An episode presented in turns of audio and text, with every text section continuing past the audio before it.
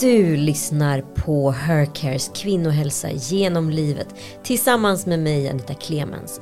Vi pratar om hur våra hormoner, hälsa och hjärnkemi påverkar oss innan, under och efter fertil ålder.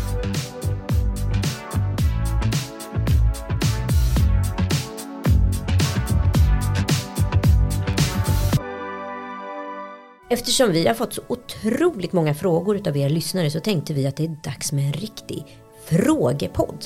Där vi besvarar er lyssnares frågor.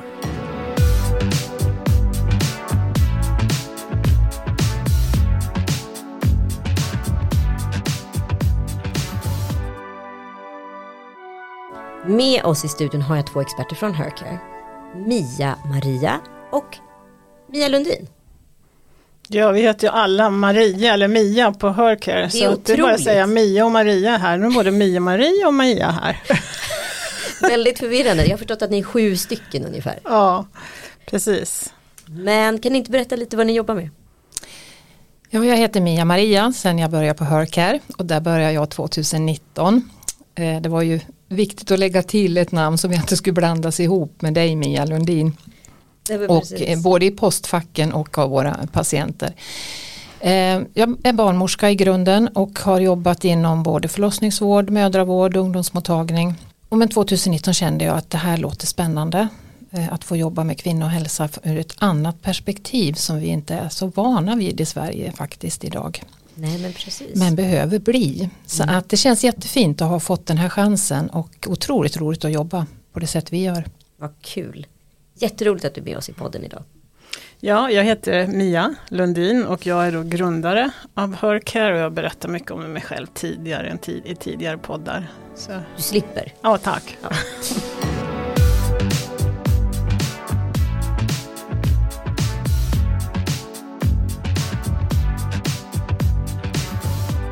Jag kastar mig direkt in i frågorna här så kan klimakteriet komma många år efter avslutad mens? Har symptom med hjärndimma och bullen runt magen med mera? Ja, Mia, vad säger du? Ja, klimakteriet eh, pågår ju under ett år ungefär och sen så är man ju i vad som kallas postmenopaus. Det finns ju inget bra ord för det på svenska, men eh, postmenopaus.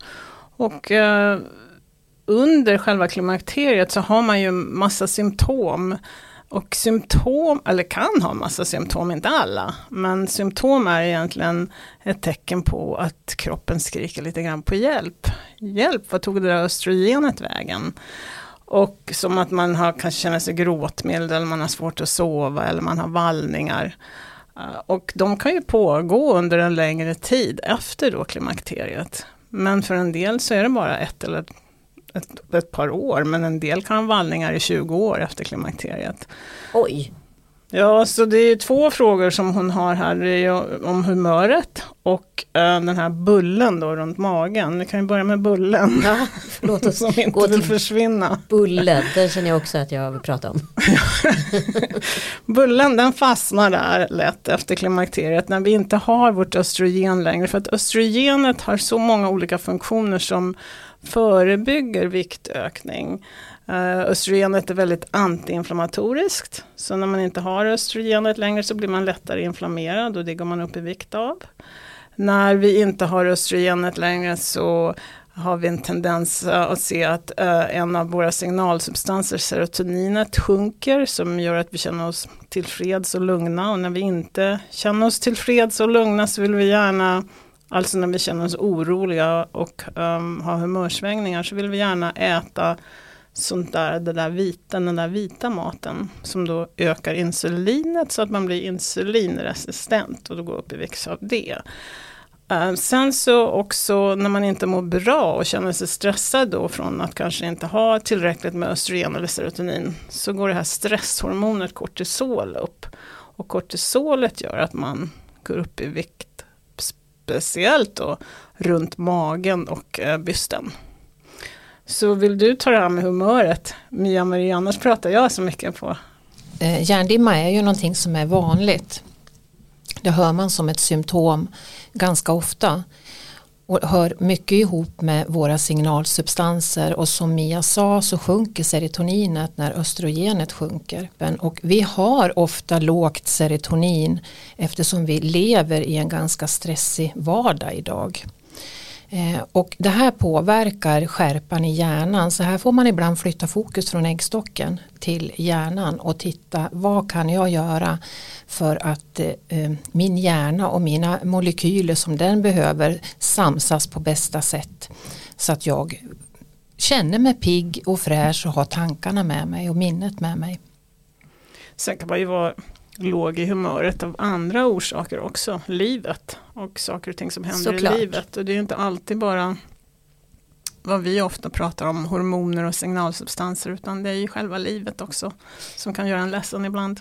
Ja, vi pratade i tidigare poddar om att eh, just man är i klimakteriet så kan man hamna i någonting som kallas för sandwich-generationen. Att eh, man har tonåringar som börjar växa upp eller flytta hemifrån och man har föräldrar som börjar bli sjuka. Eh, det är ju omständigheter som man inte kan påverka så det handlar ju inte bara om den arbetsrelaterade stressen och pressen. Man kan också ha en inflammation i kroppen som jag förstått det. Det kan Mm. också stressa en. Mm, ja, det finns ju många olika orsaker och det är det som är så svårt, vi pratade om det här innan, jag och Mia-Maria, om de här frågorna, att man önskar att man hade personen här så att man kunde fråga fler frågor för att det är så mycket som spelar in och det är svårt att svara på Eh, en fråga så här utan att veta omständigheterna och, och bakgrunden. Jag tänker också på hur viktigt det är med näringen och när den där bullen börjar komma och man känner att man inte är på topp, man kanske inte har eh, orken och lusten, man kan känna sig lite håglös eh, så har man också den där viktökningen som gör att man inte mår bra och som också puttar in en på en annan fas i livet som man börjar fundera över. Och här är det också väldigt vanligt att man tittar just på vad man äter, man försöker hejda den där bullen att öka och kanske tänker lite fel vad det gäller kosten. För det jag normalt sett tidigt i livet har gått ner i vikt av, om jag har ökat träning eller eh, avstått från det där vita som ger ett sug, eh, man har ett sug efter så har det fungerat och det gör sällan det längre.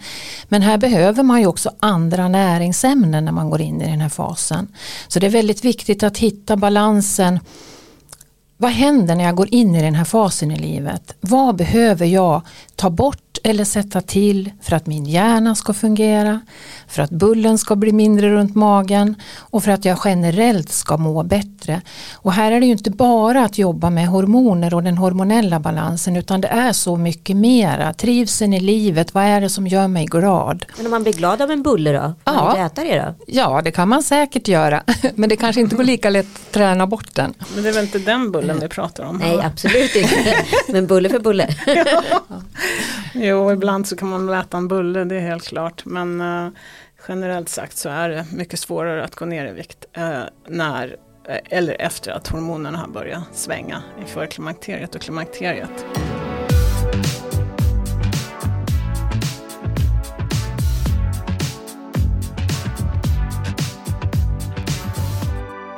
Vi kastar oss direkt på nästa fråga. Vid vilken ålder börjar östrogenet att sjunka? Jag är jättetorr i munnen och låg i humöret bland annat. Kan det bero på östrogenbrist? Jag är 45 år gammal. Ja, det är ju en ålder där man är ganska mitt i det här förklimakteriet som vi pratar om. Eh, det händer ju saker och när börjar det hända? Det beror ju på olika orsaker. Mycket är ju genetiskt. Man kan kanske fråga sin mamma eller mormor hur tidigt de gick in i, i klimakteriet och när de slutade menstruera. Så att vi är ju styrda av våra gener. Men rent generellt kan man väl säga att eh, fertiliteten sjunker ju. Vi är ju som mest fertila när vi är riktigt unga runt 20-25 års ålder. När har vi väldigt lätt att bli gravida. Sen vet man från 35 att det är svårare att bli gravid och kliver man över den här 40-tröskeln så händer det saker. Har man tidigare i livet haft en väldigt jämn och fin menstruationscykel, den har sett lika ut vad det gäller östrogenkurvan varje månad, stiger mot ägglossning, sjunker, stiger mot mens och sen sjunker den och lägger sig som lägst dag 3 till 5 i mensen och så börjar allt det här om för att vi ska bli gravida. Den ser inte ut så här när vi börjar närma oss för klimakteriet och kliver över det här 40-strecket om vi nu ska ha 40 som någon sorts när börjar östrogenet sjunka. Och det är inte så att det försvinner men det börjar eh, fladdra upp och ner. Det följer inte den här fina kurvan längre. Lite grann som i puberteten. Det kan vara högt och det kan vara lågt och stundtals ligger det helt normalt. Jag brukar säga lite grann som när man eh, är tonåring. Det, humöret kan följa med i de här svängningarna. Men om man har haft en oregelbunden cykel i, under sin menstruation i livet. Kan det påverka en på ett annat sätt då i klimakteriet? Det påverkar kanske inte klimakteriet så men man bör ju fråga sig varför man har en oregelbunden cykel då. Men generellt sett på oss kvinnor gemene, gemene man eh, så börjar det ju hända saker vid 40-årsåldern och redan tidigare där man kan få symptom på, eh, på östrogenbrist. Ja, och sen så nämner ju den här kvinnan också att hon känner sig låg i humöret och undrar om det då har med klimakteriet att göra. Och då är det viktigt också om man hade henne här och frågade om hennes mens, precis som du sa. Att börjar den glesa ut eller har hon ingen mens längre? För att det här att känna sig låg och lite mer gråtmild, det är mer vanligt när östrogenet börjar sjunka. För i förklimakteriet när östrogenet svänger upp och ner, då har vi mer en tendens att få humörsvängningar och vara arga och irriterade. Så det är svårt att säga men det finns ju prover att ta för att utvärdera vilket, vilken fas man är i och håller man på att gå in i klimakteriet ja då kanske man ska kolla ehm, um, FSH och östradiol, två prover som man kan ta då i början av mensen för att utvärdera vilken fas man är i.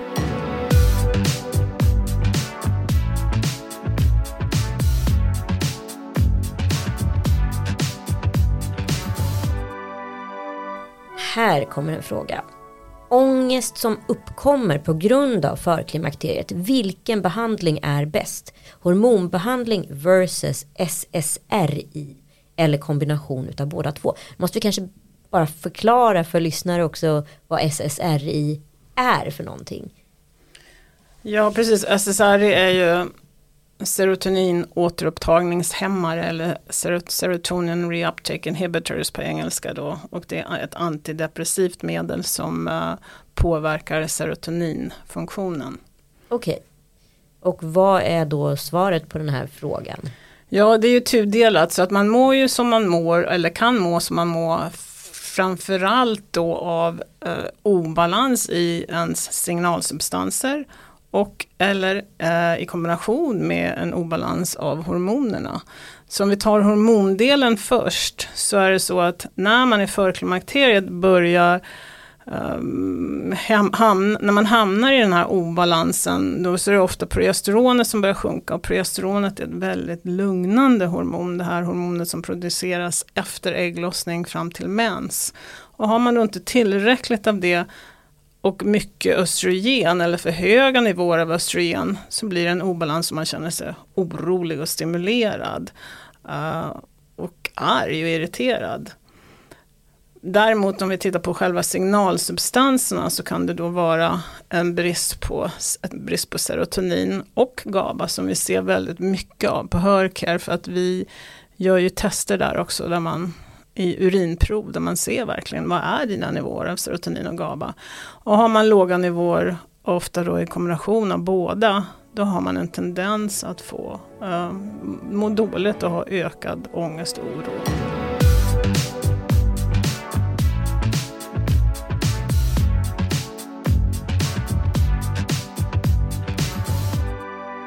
Fick bioidentiskt progesteron utskrivet och mådde jättedåligt med yrsel, ångest, obehag med mera. Vilken behandling är bäst vid ångest i förklimakteriet? Ja, den tål att tänka på. Den som har ställt den frågan skulle man ju vilja ha som patient hos oss att man får gå in på de frågorna vi behöver ställa för att lägga pusslet. Vad är orsaken till hennes mående? Är det en progesteronbrist? Är hon i en ålder eh, där progesteronet har börjat eh, skifta och sjunka och inte produceras eh, som tidigare?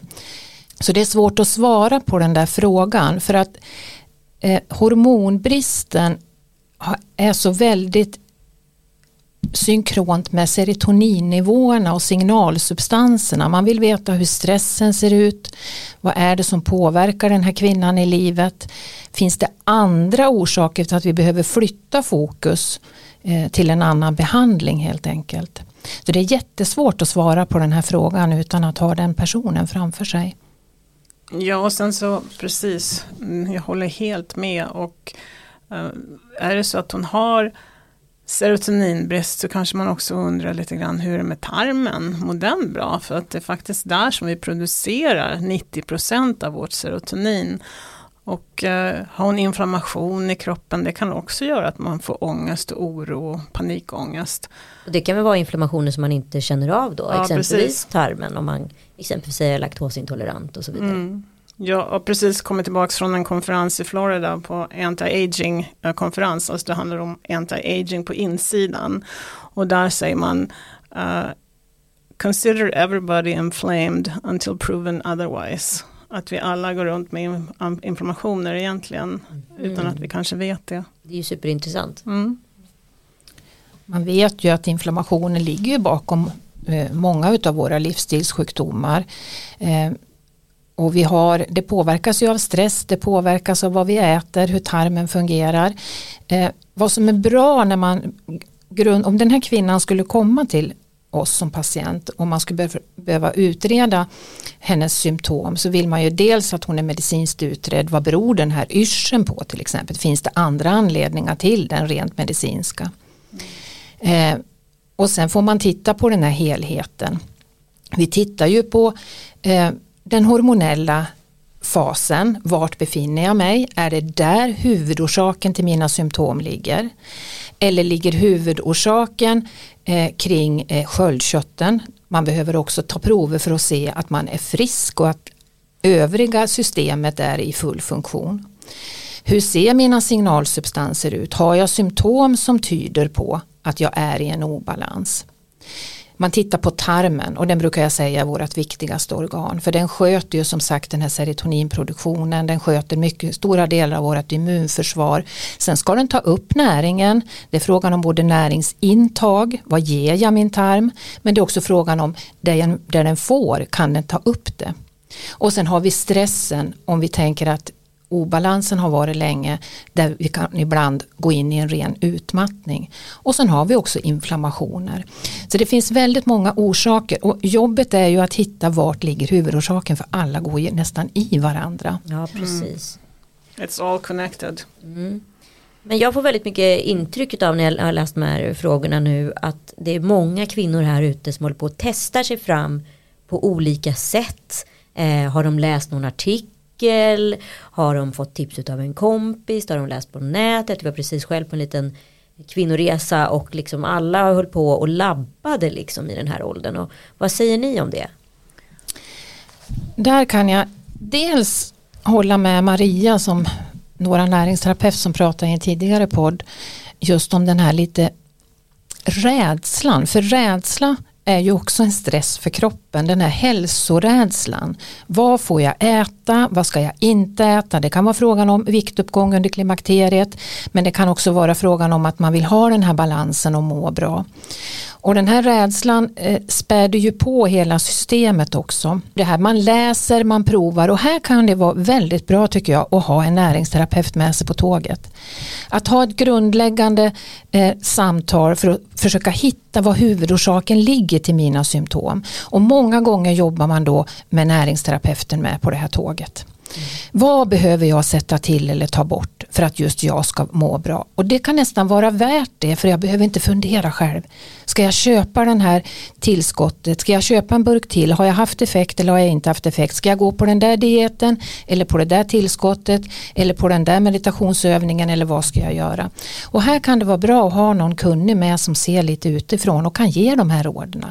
Vilken fas är jag i? Vad behöver jag tänka på just nu? Och med mina symptom, hur ska vi få det här att rätta till sig? Just det.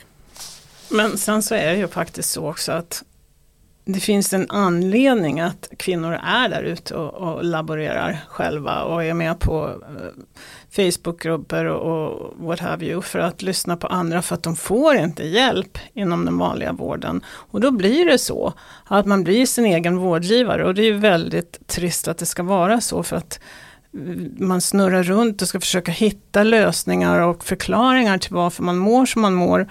Och det ska inte behöva vara så, utan det ska finnas någon som håller dig i handen och förklarar det här för dig. att Nu tittar vi på det här och utreder just vad du säger också, Mia-Maria. Vad är orsaken, den underliggande orsaken till att just du mår som du mår?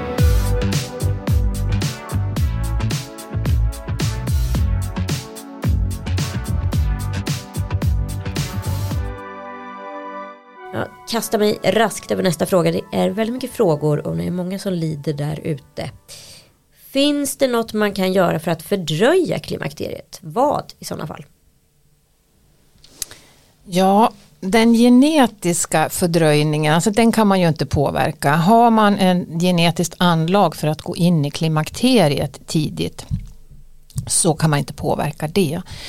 Eh, men däremot så kan man påverka sitt mående från det att man kliver på det här tåget. Alltså vi, alla vi kvinnor kliver på tåget mot den här stationen klimakteriet någon gång i vårat liv. Eh, de har en sak gemensamt de här olika tågen och de har ingen tidtabell. Vi har ingen aning om när man tänker komma fram till klimakteriet. Eh, en del tåg de går raka vägen dit tuffa på och poff så var mensen borta och så var man framme och kanske märker att symptomen förändrats en aning. Eh, andra eh, trasslar sig framåt, stannar, backar en och två stationer. Symptomen kommer kanske lite mer och lite kraftigare. Det kan vara PMS som dyker upp eller förvärras, humöret påverkas, mensen blir oregelbunden etc. Eh, och oavsett om man ska må bättre och liksom för, man kan inte fördröja eh, resan för tåget kommer att ta sig dit men man kan må så bra som möjligt under den här resan. Och där är ju näringsstatus och tarmhälsa väldigt viktigt. Stresshantering och att se till att och det låter så tråkigt med stresshantering. Går man till doktorn så säger de att det här beror på stress, du ska ta det lugnt lilla gumman. Och det är man så trött på att höra när man inte har fått den här hjälpen. Men det är många saker, precis som du sa också Anita, det är många saker som påverkar. Stress är inte bara logistik, utan det kan vara att berätta för våran hjärna och binjure att det är bara lugnt. Det är inget lejon utanför hyddan där jag bor. Jag kan liksom bara slappna av och på något sätt hitta något verktyg för att få liksom en, ett inre lugn på väg mot det här klimakteriet också. För det gör kanske inte att jag fördröjer det men att jag kanske inte märker så mycket av det. För att jag är balanserad i helheten och då gäller det allt det jag nämnde tidigare också. Könshormonellt, sköldkörteln, tarmen, stressen och signalsubstanserna, inflammationer. Ju bättre jag mår desto färre symptom dyker oftast upp under den här resan. Och stänga av mobiltelefonen ibland också kanske. ja precis, men sen så är det ju så att eh, en vacker dag, eh, eller vacker och vacker, men eh, en vacker dag säger man ju, då har äggen tagit slut. Och då eh, spelar det ingen roll hur mycket akupunktur du går på eller vad du nu gör. Det kommer inte komma något, fler, något mer östrogen från dina äggstockar. Men däremot precis som du säger Mia-Maria så är det ju så, hur kommer vi att må då? Och måendet beror ju på så mycket, det som, finns så mycket man kan göra där för att inte behöva lida genom den här uh, genom den här tågresan och då de olika stationerna då är ju lika med de olika faserna, eh, hormonella faserna som vi har pratat om. Tack för väldigt bra svar tycker jag.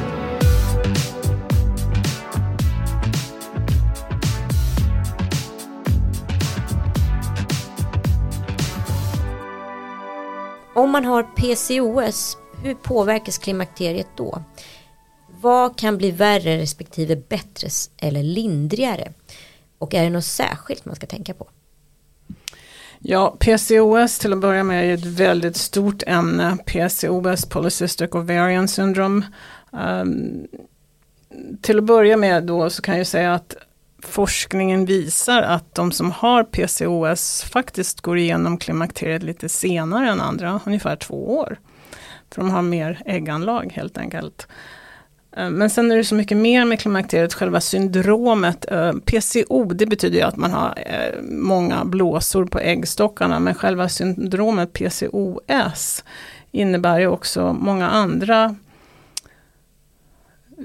riskfaktorer som man har när man är en PCOS-patient, att man har en, en högre tendens att utveckla vad som kallas metabolt syndrom, uh, viktökning, högt blodtryck och hög, ökad risk för hjärt och kärlsjukdom, typ 2 diabetes. Och det är ju någonting som också ökar bara genom att gå igenom klimakteriet. Så det är någonting som är väldigt viktigt att man fokuserar på om man har PCOS och börjar närma sig förklimakteriet, klimakteriet, att man börjar jobba med det med hormonell balans och en näringsterapeut redan innan man går igenom klimakteriet för att minska de här riskerna då för eh, kroniska sjukdomar.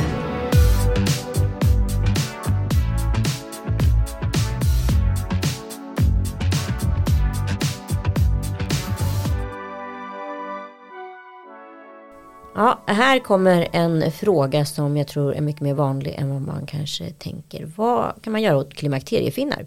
Ja, klimakteriefinnar, finnar generellt är ju ofta ett tecken på, jag brukar säga att huden är ett fönster till tarmen. Och eksem eller finnar eller blämmor är ofta just det, att det, det, det, faktiskt finns en obalans i din tarm, kanske mellan de här goda, det här fina mikrobiomet som man pratar väldigt mycket om idag, tarmbakterierna, de goda tarmbakterierna och andra bakterier som kanske inte ska vara där, eller inflammation i tarmen. Ehm, så att det är ofta mer ett tecken på att det finns en obalans där. Sen kan givetvis ibland en hormonell obalans också påverka huden och göra att man får ökad, eh, att man får mer finnar och mer akne. Som till exempel en obalans mellan östrogenet och testosteronet. Kanske du har binjurar som producerar en hel del testosteron och östrogenet kanske börjar sjunka och då finns det en obalans där. Precis som det är PCO, med PCOS-patienter som har högre nivåer av, av testosteron och då kan man också få finnar. Så det är väl det. Och testosteron, kvinnor har testosteron? Ja, kvinnor producerar också testosteron, annars skulle det aldrig bli något barn. Ja det är så. Nej men vi har en liten peak av testosteron precis innan ägglossningen. Vi har låga nivåer av testosteron uh, under vår menscykel och fertila uh, tid. Men speciellt då innan ägglossning så har vi den här lilla piken av testosteron som har en tendens att göra att vi blir mer intresserade av sex och precis innan ägglossning. Det var ju smart uttänkt, eller hur? Ja, det var någon som hade tänkt på det. Vi kanske bara ska reda ut där. Jag vet att vi har pratat om det förut, men så här, vad gör progesteron med oss? Ja, progesteron är ett uh, hormon som bildas efter ägglossning, efter att ägget har um, släppts från den här blåsan i äggstocken. Så bildar den här blåsan någonting som kallas gulkropp. Och den här gulkroppen producerar då progesteron och fortsätter att producera progesteron om du blir gravid. Men är det så att du inte blir gravid så sjunker det då några dagar innan mens och så får du mens då. Och progesteron är ett väldigt lugnande hormon. Och östrogen, vad är det då? Östrogen är ju det hormon som stiger kraftigt fram till ägglossning som gör att du kommer att få en ägglossning. Eh, det är ju det kvinnliga könshormonet om man jämför då med testosteronet som är, eh, är mera manligt. Eh, men vi har behov av båda. Så att östrogenet stiger för att trigga igång en ägglossning, att få äggen att växa till så att det överhuvudtaget kan bli en ägglossning och progesteronet byggs upp då för att behålla den här graviditeten fram till att moderkakan tar över produktionen av progesteron. Blir vi inte gravida så sjunker det. Det här är ju ett väldigt fint samspel eh, mellan alla våra hormoner. Eh, det är ju som Mia brukar säga, är ju som en symfoniorkester som hypofysen ska dirigera. Eh, och när de här hormonerna stiger och sjunker och ibland inte kommer upp till de nivåer som behövs för en ägglossning, som vid PCOS till exempel, eh, då, då är det, blir det en obalans och en rytm som inte eh, kroppen känner igen på samma sätt vilket kan påverka mående eh, och våran mensblödningscykel. Ja, det, det, är helt otroligt. Det är så vackert egentligen den här fina mm. symfonin som spelar varje månad för att ja, vi ska bli gravida eller göra det möjligt att bli gravid i alla fall. Och hur vi gör det här kanske 450 gånger under en livstid. Där hormonerna svänger från dag till dag. Och när vi är inne på det här med orsaken till vårat mående, varför mår jag som jag mår och vi ska blanda in signalsubstanser och den här stressen så tänker jag på den här symfoniorkestern att ibland är det lite grann som att alla instrument inte är riktigt samstämda. Det börjar gnissla någonstans är det sköldkörteln som kanske börjar bråka eller finns det någon annan anledning? Eh, många mår bättre på sommaren och under semestern. Då kom helt plötsligt menscykeln tillbaka och varit mer regelbunden. Så att vi påverkar den på olika sätt. Och när det blir riktigt illa och vi får en obalans av någon form och oavsett orsak då är det nästan som att det är inte bara ostämt utan den här orkestern har inte samma noter heller och då kan det bli ganska eh, fel ljud som kommer ut eh, från den här orkestern. Så att hela sättet att jobba med den här balansen, både hormonella balansen men just med tanke på tarmhälsa, stress, är ju att verkligen se till att alla instrument är samstämda, alla har samma noter. Då blir hypofysen glad och kan dirigera så att det blir så här vackert. Så man skulle kunna säga att eh, eh, violinisten kanske strejkar ibland för att klaviatur får mer betalt. Och då måste man skicka ja. in ett bidrag så att de får samma, samma lön. Bra tänkt ja, Anita. Precis rätt tänkt. Jag tänker liksom hur, hur ska vi få den här symfoniorkestern att verkligen spela så här vackert som den kan göra. För menscykeln är det första som signalerar om någonting är i obalans i kroppen. Vi får tydliga svar där. Eh, och det är vanligt att man kan höra av sig som när jag jobbar på mödravården eller ungdomsmottagning. Jag har inte fått någon mens den här månaden.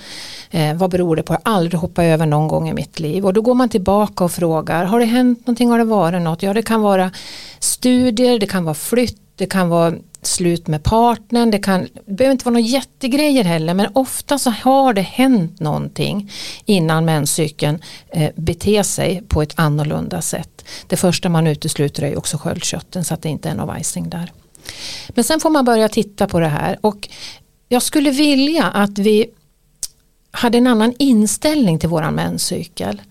Eh, det är lite negativt. Äh, nu kommer den där mensen igen och precis när jag ska bort och det här är ju inget kul och när man får den första gången så hör man talas om att ah, ska man börja blöda och det här ska komma varje månad. Vi har en negativ inställning till våran menscykel. I många kulturer så hyllar man den.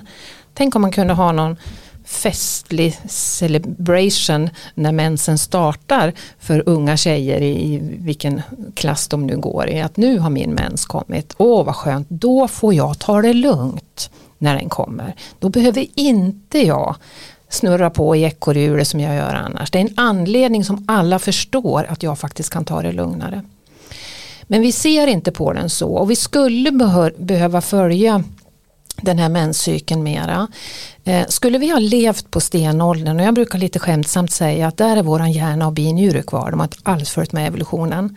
Förstår ingenting av våran samhällsstress, utan där lever vi att vi går upp när solen går upp, vi lägger oss när den går ner.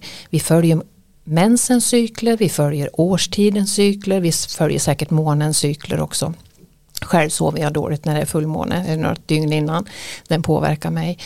Eh, vi gör ingenting idag eh, vad det gäller cykler. Vi lever i ekorrhjulet på samma sätt oavsett årstid oavsett om vi har mens eller inte oavsett var månen står och vi lägger oss inte heller när vi är trötta. Vi kan titta på klockan på soffan och säga gud vad trött jag skulle vilja lägga mig men jag kan inte lägga mig nu, klockan är ju bara. Jo det kan man när kroppen signalerar vila. Och under mensen så har man ofta, man är ofta tröttare, man har inte samma energi, man orkar inte med den träning man eh, kanske har tänkt sig att göra och brukar klara annars. Och här kan man klappa sig själv på axeln istället och tänka att men jag är veckan innan mens. Då har vi lite höst. Den här höstveckan när vi får börja liksom plocka ur saker ur kalendern och det är helt okej okay att säga att nej men så då, då kan inte jag ta något extra pass på jobbet eller så. Nej för då är jag i höst och då behöver jag ta det lite lugnare. Och sen vinterveckan nu pratar jag veckor, det här kan vara frågan om dagar för vissa individer. Men när mensen kommer då kanske man inte ska göra någonting alls. Du kanske inte ska träna, ha sänkt träningen veckan innan, inte lika pulshöjande. Du kanske inte ska göra någonting alls utan bara lyssna på kroppen. Veckan efter mens, då har vi mera vår. Då börjar inspirationen komma tillbaka. Då känner vi att ja men nu vill jag lite mer. Ja men då kan man plocka in lite mer i kalendern, man kan öka träningen kanske lite mer pulshöjande och så kommer den här sommarveckan innan ägglossning där. När vi mår som bäst, det kan vara dagar, fåtal dagar för de som är i förklimakteriet. För den här tiden, men cykeln har blivit kortare och tiden man mår bra har också blivit kortare. Men då kommer de här dagarna och så tänker man varför får inte jag må så här hela tiden? Det är något fel på mig. Det är inget fel på dig alls. Men det är inte sommar månaden runt eller året runt. Det kommer en höst. Och där kan man då behöva ta det lite lugnare och känna att det är helt okej. Okay. Och tänk om alla våra tjejer som pluggar, alla kvinnor kunde säga till sin lärare du, nej men då kan inte jag ha en tenta eller prov. För i den där veckan kan inte jag plugga, då är jag i höst och då har inte jag hjärnan med mig, då har jag lite hjärndimma. Och jag kan inte prestera alls om jag ska ha tentan under min vintervecka. Jag vill plugga under vårveckan och så vill jag skriva tentan under sommarveckan för då presterar jag som bäst. Och det här tycker jag är ganska logiskt egentligen men helt bortglömt. Mm. Ja, vi har ju ett samhälle som är baserat på en manlig anatomi. Det kan vi väl i alla fall konstatera. Mm, absolut.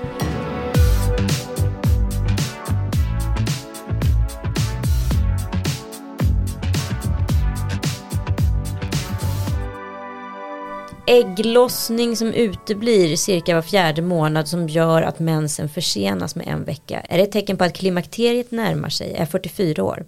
Finns det något man kan göra åt det? Jobbigt att vänta på att mensen ska komma och PMS blir liksom en vecka längre. Jag tror att ägglossningen uteblir på grund av att jag inte känner av ägglossningen. Jag brukar få väldigt ont när jag har ägglossning och då kommer mensen på, på cirka dag 30 utan ägglossning på 35 till 37 dagar. Ja, en normal menscykel är ju då 28 till 32 dagar där man har eh, ägglossning ungefär 14 dagar innan man får mens.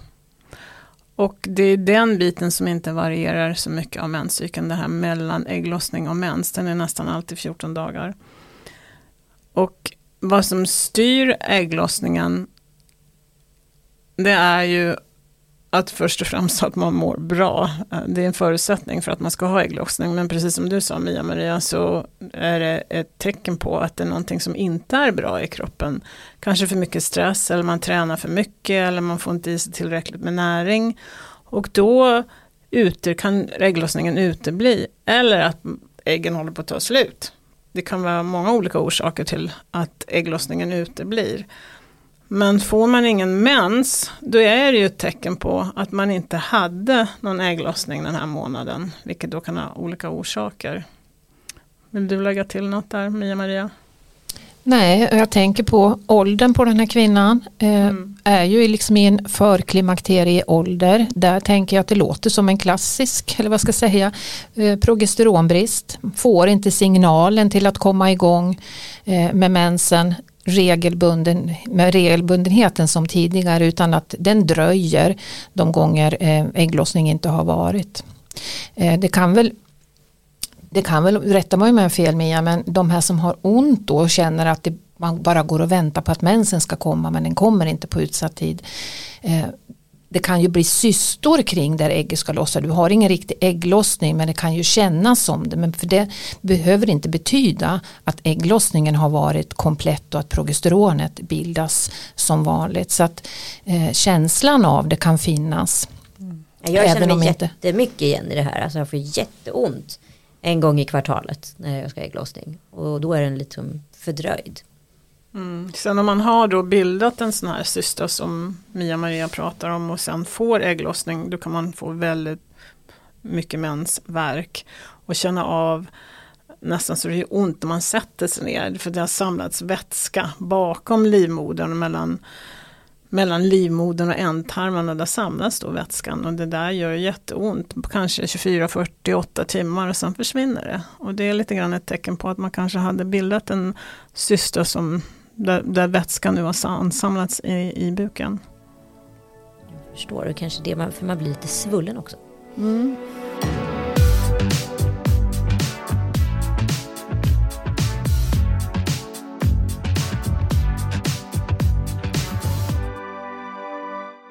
Här kommer en fråga på engelska.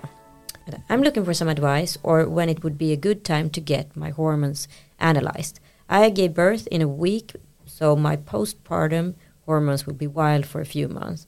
But after that time, I would love to make an appointment with you and get everything checked. Do you have a suggestion for how long time after birth is a good time? Uh, first of all, I think it's important for her to to seek treatment earlier if it's that she is not feeling good after she had her baby. After delivery, if she's starting to feel anxious or um, depressed, it's important to seek help for that because there is treatment available for that. The other thing is when should she evaluate her hormonal status? Well, I think it's important that she, if she's going to breastfeed, to finish breastfeeding and start having uh, wait and wait for regular periods, and then at that time check hormonal status maybe well day three to five but it's better to seek uh, care so we know when to test the hormones but during breastfeeding and postpartum it's very difficult to evaluate hormonal status and therefore it's better to wait until she finishes breast, breastfeeding if that's what she's choosing to do. Ja, så kanske ett, två år efter. Yeah, man har fått Depending barnen. on how long she depends how long she'll breastfeed. Some do it for a couple of years. So it's uh, så man måste få tillbaka den regelbundna cykeln då right. Yeah. Frågan är ju om hon vill veta sin hormonella status, mår bra, är ung och fertil eller om hon misstänker att hon är i en ålder där hon har eh, eventuellt brist på progesteron och vill eh, kolla upp det. Och är det för sitt mående hon vill veta sin hormonella status eller är det för att bara veta vilken fas hon är i i livet. Eh, mår hon inte bra ska hon ju söka tidigare. Just det. Men om vi nu bara ska prata om det här vetenskapligt för att så här, när människan förr i tiden om när vi pratar om grottan och alltihopa vad blev vi 35-40 år bästa fall mm. eh, vi kanske träffar en livspartner vid 16-17 fick 2000 barn höll jag på att säga. Det här med ägglossning är ju trots allt rent historiskt eh, ett rätt nytt fenomen, inte ägglossningen men själva den här eh, alltså postmenopaus situationen, eller hur? Ja, man behövde ju inte uppleva någon postmenopaus för 200 år sedan. Typ. Nej. För att den fanns, vi, vi, vi levde inte så pass länge utan vi levde till innan klimakteriet generellt sagt. Så att uh, det är ju någonting som är nytt det här med, det är ju inte riktigt rättvist heller. Män kan ha sina hormoner livet ut och här bara pops så försvinner våra ganska drastiskt halvvägs genom livet. Ja, halvvägs kan det vara 40-45 års åldern och vi lever tills vi är vad är det nu, 84-85 minst. Uh, och det betyder ju då att vi ska leva många år utan det här östrogenet. Medan männen då får ha kvar sitt, sitt testosteron hela livet. Och precis som du sa, vi levde på ett helt annat sätt då och hade 2000 barn tyckte jag du sa. Eh, men just det här, vi hade inte ägglossningar. Eh, vi var gravida eller vi ammade så vi hade inte det här cykliska mönstret där det skifta och eh, hade progesteronpåslag mycket genom att vi antingen var gravid eller inte hade kommit in i de här cykliska svängningarna. Så att eh, vi är påverkade på ett annat sätt idag för att vi har så många fler ägglossningar om vi inte har något preventivmedel som har stängt av det förstås. Just det. Det ska man också lägga in i beaktan. Så att det här är ju trots allt ett rätt nytt fenomen ur kvinnohälsa. Mm, precis. Även om det är 200 år gammalt. Mm, så är, jag får ju den frågan ofta när jag föreläser. Är det naturligt att ta hormoner efter klimakteriet? Och det är ju en svår fråga att svara på. Det beror ju helt på.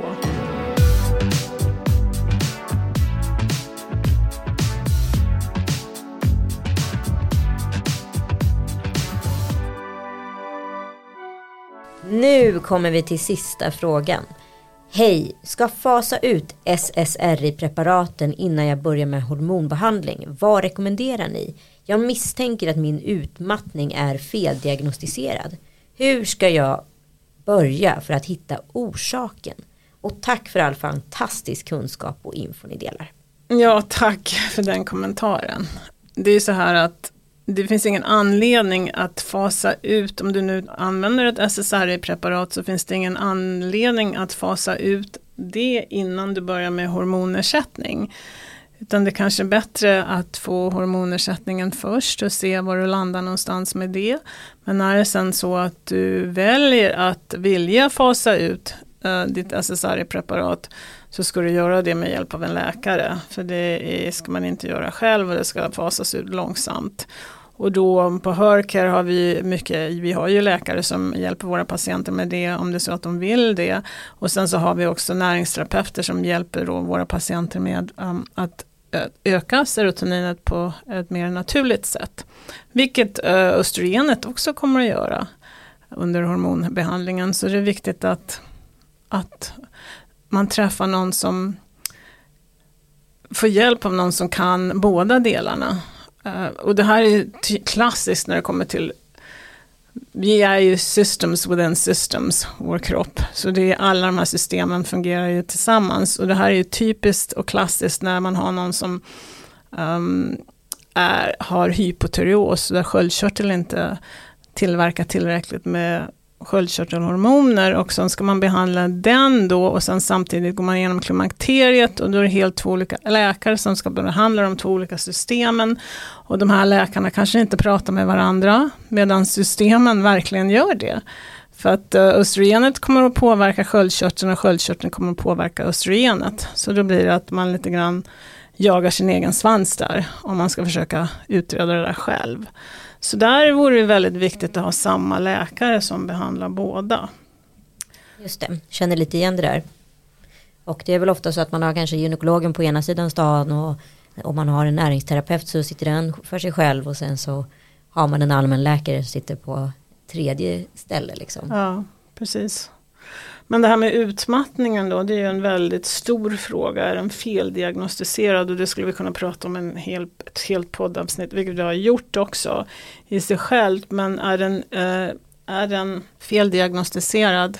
Och det är ju jättesvårt att säga, men det är ju lätt hänt att man av misstag inte ser symptom på utmattning att de hör, faktiskt hör ihop med en östrogenbrist till exempel om det är en sån hormonell behandling hon ska in i.